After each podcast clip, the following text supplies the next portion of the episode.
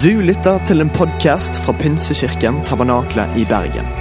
Vi tror at kirken skal være en plass hvor mennesker trives gjennom alle livets faser. En kirke for hele livet. Ønsker du å bli bedre kjent med oss eller holde deg oppdatert? Besøk vår Facebook-side eller ptb.no. Her er ukens tale. Og når jeg skal preike i dag, så har jeg eh, et tema som jeg sånn sett sy syns passer veldig godt til denne anledningen. Og det har jeg kalt 'På sikker grunn'.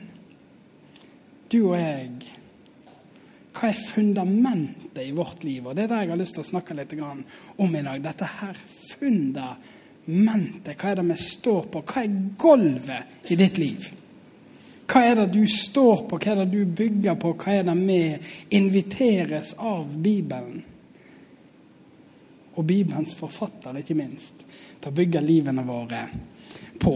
Og vi er i dag, det er hvis du har med Bibelen, det er jo en anbefaling eh, å ha med sverdet på møte.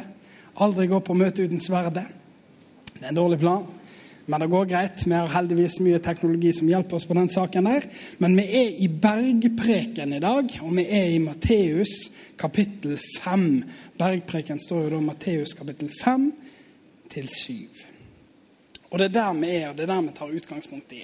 Litt fun fact. Det kan hende det ikke er like fun fact for alle, derfor jeg lever med, men jeg syns det er litt fun fact. Visste du at Matteusevangeliet er bygd opp rundt fem store taler? Matteusevangeliet sin oppbygning og struktur den er sånn at du har en hendelse som skjer. Det er noe beskrivelse av ting som skjer, og så avslutter hver hoveddel med at Jesus har en tale. Og Bergpreken er da den første av de fem sånne taler. Når du leser gjennom Bergpreken, og det skal ikke vi gjøre akkurat nå, men det kan jo være heimelekser f.eks., og lese gjennom Bergpreken, så vil du oppleve at det er en ganske sånn livsnær og praktisk tale. Jesus han gikk ganske praktisk til verks, og han snakka om ting som folk som lytta på da, kunne kjenne seg veldig godt igjen med. Og han underviste med autoritet. En av kommentarene som står på slutten av preken, så står, har forfatteren av Matteusevangeliet har da skrevet inn en sånn her liten kommentar der det står folket de undrer seg fordi Jesus underviste med autoritet. Og Jeg har tatt fram en frase i denne introen til det jeg har lyst til å si i dag. Og det er dette her frasen som går gjentatte ganger. Fem, seks, sju ganger. Jeg telte, men jeg har glemt hva jeg telte. Dere har hørt det sagt, men jeg sier dere. Dere har hørt det sagt, men jeg sier dere. Jesus her, når han underviser, dette er liksom den første talen. Han har samla folket, det er en mengde som hører på. Og så korrigerer han samtidig til de som lytter på. Og han sier dette er det de er vant med, dette er det de har hørt, men jeg sier dere. Her viser Jesus sin autoritet, og han tilkjennegir at hør, det er ikke alt som det hører som er helt rett. Det er ikke alt som skjer rundt dere som det er blitt vant med, som er helt rett. Og Da har jeg lyst til å kontekstualisere dette her eh, inn i den kulturen. Når han snakker til folkene her, så er det jødefolket som har en religiøs oppdragelse. De er oppdratt og lært i, av skriftlærde folk. Dette sto høyt i akt. Da var de skriftlærde, de her ekspertene, religionsekspertene, som underviste. Og så hadde de tatt Guds ord, som jødene virkelig har Vi skylder jo det jødiske folk en stor takk. For de har virkelig tatt vare på Guds ord og videreformidla det gjennom generasjonene, sånn at du og jeg har noe tilgjengelig i dag. Og de har gjort en fantastisk jobb med den saken der. Men de har gjort faktisk en så god jobb av og til. De var så nikjære på den saken at de gikk lenger enn Skrifta gjorde. De liksom, de dro litt ekstra på. Det var liksom ikke nok å brenne for Gud og gjøre sånne ting som Gud hadde sagt. Du måtte jo dra litt ekstra på. sant? Du måtte jo virkelig gi jernet for å vise at det er ekte vare. Og dette her hadde de dratt da, i lengste laget i enkelte sammenhenger. Og Jesus sier dere har hørt det sagt, Men jeg sier dere, og så vil jeg òg poengtere noe annet, at det var ikke alltid de hadde dratt det for langt. Av og til hadde de ikke dratt det langt nok. Av og til var det for lite. For eksempel så sier Jesus dette her, at dere hørte jeg sagt i skilsmissebrev hvis dere vil skille dere. Men jeg sier dere, så gir han en korrigering. Eller f.eks. dette utsagnet som jeg syns er ganske rystende. Eh, og det slår i brystet. Er det noen som har opplevd det der at av og til når du leser Guds ord, så slår det deg i brystet? Ho! den satt! Og det er en fantastisk greie med Guds ord. Hør på dette her. Det jeg har hørt det sagt, du skal ikke slå i hjel, men jeg sier dere, den som hater sin bror, er skyldig. Den som kaller sin bror for en idiot, skal være skyldig for domstolen. Og hvis du kaller han for en ugudelig narr, så er du skyldig til helvetes ild. Oh! Jeg vet ikke hvordan det er med deg, men dette her gjør jo vondt. Så av og til løfter han til og med enda mer og går til hjertet av det hele. Hva er poenget jeg ønsker å formidle denne søndags formiddagen? Det er ikke alt ord jeg har hørt, som er sant.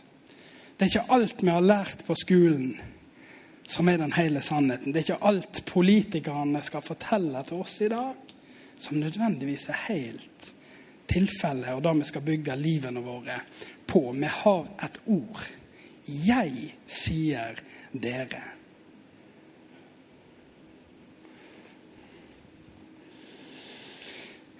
Så avsluttes eh, bergpreken med følgende lignelse. Vi er nå i eh, kapittel 7, vers 24, og bibelverset kommer opp på skjermen.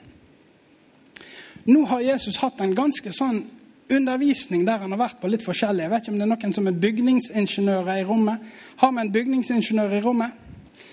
Ikke. Det var ikke verst. Kanskje vi kunne kommet på og bygd huset på samme måte som vi ser på skjermen der. Det var jo en fin strandtomt. Herlig. Det må jo være genialt. Tenk på den utsikten å bygge der. Men det viste seg å ikke være så bærekraftig i lengden. Jesus han sier eh, som følger. Vær den som hører disse mine ord og gjør det de sier, ligner en klok mann som bygde huset sitt på fjell. Regnet størtet, elvene flommet, og vindene blåste og slo mot huset. Men det falt ikke, for det var bygd på fjell. Og hver den som hører disse mine ord og ikke gjør det de sier, ligner en uforstandig mann som bygde huset sitt på sand. Regnet styrtet, elvene flommet, og vindene blåste og slo mot huset. Da falt det, og fallet var stort. Jesus har gått igjennom det, har hørt det jeg har sagt, men jeg sier dere. Og han har gitt en, en, en ganske grundig og livsnær undervisning og så sier han at hør, dette her greiene som jeg har talt om nå, dette ordet Og hva er det han underviser om? Han underviser i Guds ord. Og så sier han hvis du bygger livet ditt på de greiene her, så har det noe å si når ting, når det regner, når det stormer, når livet skjer, så har du noe du står fast på. Guds ord er berget som jeg kan bygge på. Hvordan er det da med Guds ord blant oss? Jeg har jo to. og Jeg tror dette her er litt fordi at jeg er vokst opp igjen Jeg er jo vokst opp Gud planta meg i et luthersk hjem. Kan jeg få et amen? Nei, det trenger du ikke si. Det går helt fint. Det er jo en pinseminne tross alt. Men Gud har altså planta meg i et luthersk hjem. Så jeg har vokst opp de første 20 årene av min, mitt liv som lutheraner. Og jeg har en far og en mor som jeg virkelig har som forbilder i livet. Jeg er vokst opp i et hjem der Bibelen lå framme på bordet hver dag. Jeg har en far som er disiplinmann eh, sjøl. Eh, og han har leseplaner, og han, eh, vi snakker av og til, han elsker å snakke teologi. Og så er det blitt ekstra gøy etter jeg er blitt pinsevenn og blitt troende støpt og døpt i Den hellige ånd. Så har vi jo ekstra gøye teologiske samtaler. Eh, men, men, jeg er vokst opp med den her at ordet ligger framme. En dagen så ringte min far meg og så sa han, nå har jeg slått ny rekord. Jeg har en sånn leseplan en gang i året, så skal han igjennom Guds ord. Jeg vet ikke hin dagen, det er noen måneder siden. Men han ringte meg og så sa han, nå har jeg slått ny rekord, ferdig i mars. Og det er klart, jeg lar meg jo inspirere. Jeg er jo til og med betalt for de greiene her. Men denne kjærligheten til ordet den har jeg tatt med meg og er utrolig takknemlig for. For dette her, fundamentet her, det går ikke ut på dato. Og det er noe som virkelig kan stå fast i møte med alle slags tider. Og den andre tingen, så ordet det er det ene jeg brenner for. Og så er det andre jeg brenner for. Da kan du kanskje tippe seg om jeg står i en pinsemenighet og jeg er pinsepastor. Det er ånden. Jeg brenner for ordet, og jeg brenner for ånden. Og jeg tror at kombinasjonen, når vi lever og bygger livene våre på dette fundamentet her, denne steingrunnen som er her, og Den hellige ånd kommer over oss og gir liv og gir ordene levende i livene våre, så tenker jeg sånn at det er dynamitt, altså, folkens.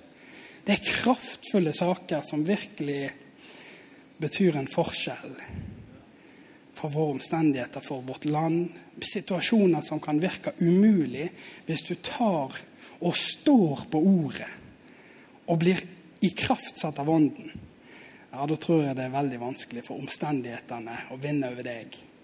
Men sjansen for at du vinner over omstendighetene, er desto større. Hør. Når vi snakker om rustningen som vi skal ta på oss som kristne Du har lest om Guds fulle rustning.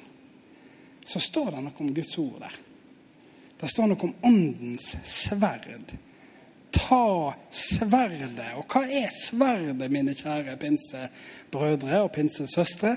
Sverdet er Guds ord. Og hvis vi tenker at det ikke er veldig viktig med dette ordet her Det er ikke så veldig nøye å legge seg opp i dette, her, det er ikke så nøye å bruke ordet eller lese ordet, så vil jeg si at bildet av det, det er som at du ikke tar med deg sverdet. Du tar på deg hele andre greiene der, så tar du ikke med deg sverdet, og så peiver du rundt i lufta. Men du har ingenting i hånda. Det er som å reise på Nå vet jeg ikke hvor mange som liker jakt her, men det er som å reise på hjortejakt, liksom. Nå er jeg nettopp oppskutt for at jeg kan jakte hjort ute på Frekkhaug, takk og lov. Jeg skal ikke gå inn i detaljene på det, da mister jeg dere. Men hør. Hvis jeg reiser på hjortejakt, og så tar jeg med meg kolben til våpen. Nei, altså futteralet. Jeg tar med meg liksom futteralet som våpenet skal være inni. Men våpenet lar jeg ligge trygt og plassert i våpenskapet. Forferdelig vanskelig å gjøre det jeg skal gjøre når hjorten plutselig står framfor meg. Da må jeg springe etter han og fange han. Og jeg tror alle som er i forsamlingen her, skjønner at det er en dårlig plan i utgangspunktet. Den hjorten vinner jeg ikke over. Men hvis jeg har med meg rifla så er det noe helt annet når plutselig situasjonen byr seg. Jeg tror det er litt sånn enkelt bilde, men jeg tror det taler likevel til noe om dette med ordet. Vi trenger faktisk å bruke dette ordet i livet for de omstendighetene vi står av. En av de jeg har lest litt vekkelseshistorie og latt meg inspirere av det. Og en av de eh, såkalt Guds generaler, for det heter boken, eh, som jeg leste om der, eh, den, det var en som heter Branham. Og Branham han var en mann som på en helt spesiell måte ble kalt av Gud, og hadde en utrolig mektig helbredelsestjeneste. Det er sånn at Vi kan jo la oss inspirere av det. Det skjedde altså mirakler som var på et sånt nivå Eh, at, at det, var, det, er noe vi kan drømme om. da. Forkrøplede barn som ble momentant helbreda på scenen, og visne armer som strakk seg ut. Sånn som jeg drømmer om. Yes! Vår Gud kan. Og Branham han begynte så bra. Og det var så sterkt, men så kom han fram til, etter noen år, og han fikk litt råd som ikke var så gode, at du vet at nå, pga. at Den hellige ånd har kommet, så trenger vi ikke Bibelen lenger. Fordi at nå har jo åpenbaringen kommet som Bibelen skulle lede fram til. Så nå trenger vi ikke altså Da Bibelen talte til oss før, da taler Ånden nå. Nå forenkler jeg historien litt. Men han kjøpte den argumentasjonen. Og det som er så trist når du leser om Branham, er at han som begynte så godt, avslutter så forferdelig dårlig. Han går helt av sporet, og han, blir, han går på villspor, på ville veier. og Han begynner å føre en lære, bl.a. for å gi et eksempel på det, om at, eh, om at eh, kvinnen var slangens ett. Og hvis du skulle rangere skapningen, så var det mannen på toppen, dyrene i midten og kvinnen helt på bunnen. Fordi det hadde han fått åpenbart. Og alle vi som sitter her i salen, skjønner å heiene, nå er du ute på villspor. Men hvorfor kunne det skje og utvikle seg? Jo, det var fordi at min påstand til deg her, fordi at ordet ble lagt vekk. Sånn at malen, rettesnoret, fundamentet virkelig så slo sprekker, og det viste seg at det var sann bunn som han bygde livet sitt på. Dette her gjør noe med oss. Og i dag så er det jo litt sånn at, at det er mye som skjer møten, dette møtet her med at uh, mye innhold. Så Sakariassen skal være kort. Og det er jo nesten et mirakel i seg sjøl, men sånn er det med den saken. Og jeg har lyst til å si det siste jeg har lyst til å, å, å si om dette her. Jeg har lyst til å vise en sånn studie. Noen tall, statistikk fra en studie jeg fant fra 2017 som sier litt om hvordan står det til med bibellesningen blant kristne. Og Nå er det noen sånne forbehold med den, men det er en studie som er gjort av KIFO, som er et sånn kirkelig institutt for et eller annet som jeg har glemt. Eh, men, og Bibelselskapet sammen. Og, og, her er det en som heter Rafoss, da, som har eh, analysert de dataene her i 2017. Og Legg merke til dette. her. Pinsevenner utgjør 4,7 av befolkningen men utgjør 27,9% av de som leser Bibelen ukentlig. Det er jo relativt oppmuntrende statistikk. Det virker som at den generelle trenden i pinselandskapet det er at bibelbruk er ganske viktig. Der de undersøkte og kom fram til at 10 av medlemmene i Den norske kirke leste Bibelen ukentlig, svarte 86 av pinsevennene at de leste Bibelen ukentlig. Og hvis du tar hele det frikirkelige landskapet i ett, så viser det seg at 60% leser Bibelen ukentlig. Og til slutt en honnør til de eldste iblant oss. De eldste er fremdeles eldst eh, og leser Bibelen hyppigst. Og her er òg noe jeg har lyst til å kommentere. at Det fins noen nyere studier som eh, jeg ikke har funnet i farten, bl.a. en masteroppgave som er skrevet på Høgskolen for ledelse og teologi, som kartlegger bibelbruk blant yngre. Og det virker som at trenden er nedadgående. Bibelbruken blir mindre når du går nedover i alder. Og da har jeg veldig lyst til å være en motrøst til jeg har sånn tro på en sånn kjærlighetsvekkelse, for å bruke det ordet, til Guds ord blant alle generasjoner. Der vi virkelig får omfavna kraften og styrken i det å utsette seg jevnlig, gjerne daglig, for Guds ord. At det blir en del. Det er akkurat som maten som vi trenger å spise. Du trenger ikke spise sånn en gang i måneden. Det er ikke sånn at vi venter til søndagen, og da spiser vi sinnssykt mye på en og en halv time. Og så bare faste med resten av dagen. Nei, du trenger mat hver dag. Du trenger å ta til deg næring jevnlig. Og sånn er det med Guds ord. Dette er maten, brødet for vårt åndelige liv. Så måtte vi være et folk som virkelig utsetter oss for Guds ord. Som omfavner det og tar til oss næring derifra. Og så når vi snakker om alt dette her, og når jeg nå eh, forhåpentligvis eh, relativt inspirerende kan legge fram at eh, Bibelen det er gode greier, så vet jeg at veldig ofte da så er vi folk skrudd sammen sånn at vi begynner å få litt dårlig samvittighet. Huff a meg. Ja, dette her har jeg jo hørt mange ganger før. Jeg vet jo om den saken her, og jeg har kanskje prøvd å begynne på ti leseplaner dette året allerede, men alle har jeg bomma på. Jeg vet ikke hvor mange her jeg bruker en app som heter uversion, bible.com, et eller annet sånt. Og jeg vet ikke hvor mange leseplaner jeg har begynt og ikke klart å fullføre. Det må jeg ærlig bekjenne for forsamlingen. Blir interessert i noe annet og helt på med det der. Men, men, men den her dårlige samvittigheten, den kan komme og snike seg inn og gjøre at det å gå til ordet blir nesten vanskeligere enn det var i utgangspunktet. Og da har jeg lyst å ta fram et vers her på slutten for å si noe om hvordan skal vi forholde oss til hvilken tjeneste er det Jesus sa om seg sjøl at han hadde når han møtte oss. Jeg vil slå opp til den siste sliden, tror jeg. Lukas 4, 17. Og det er Jesus som leser ifra profeten Jesaja. Hør på dette her når Jesus skal definere hvorfor er jeg kommet, hva er det jeg er her for å gjøre.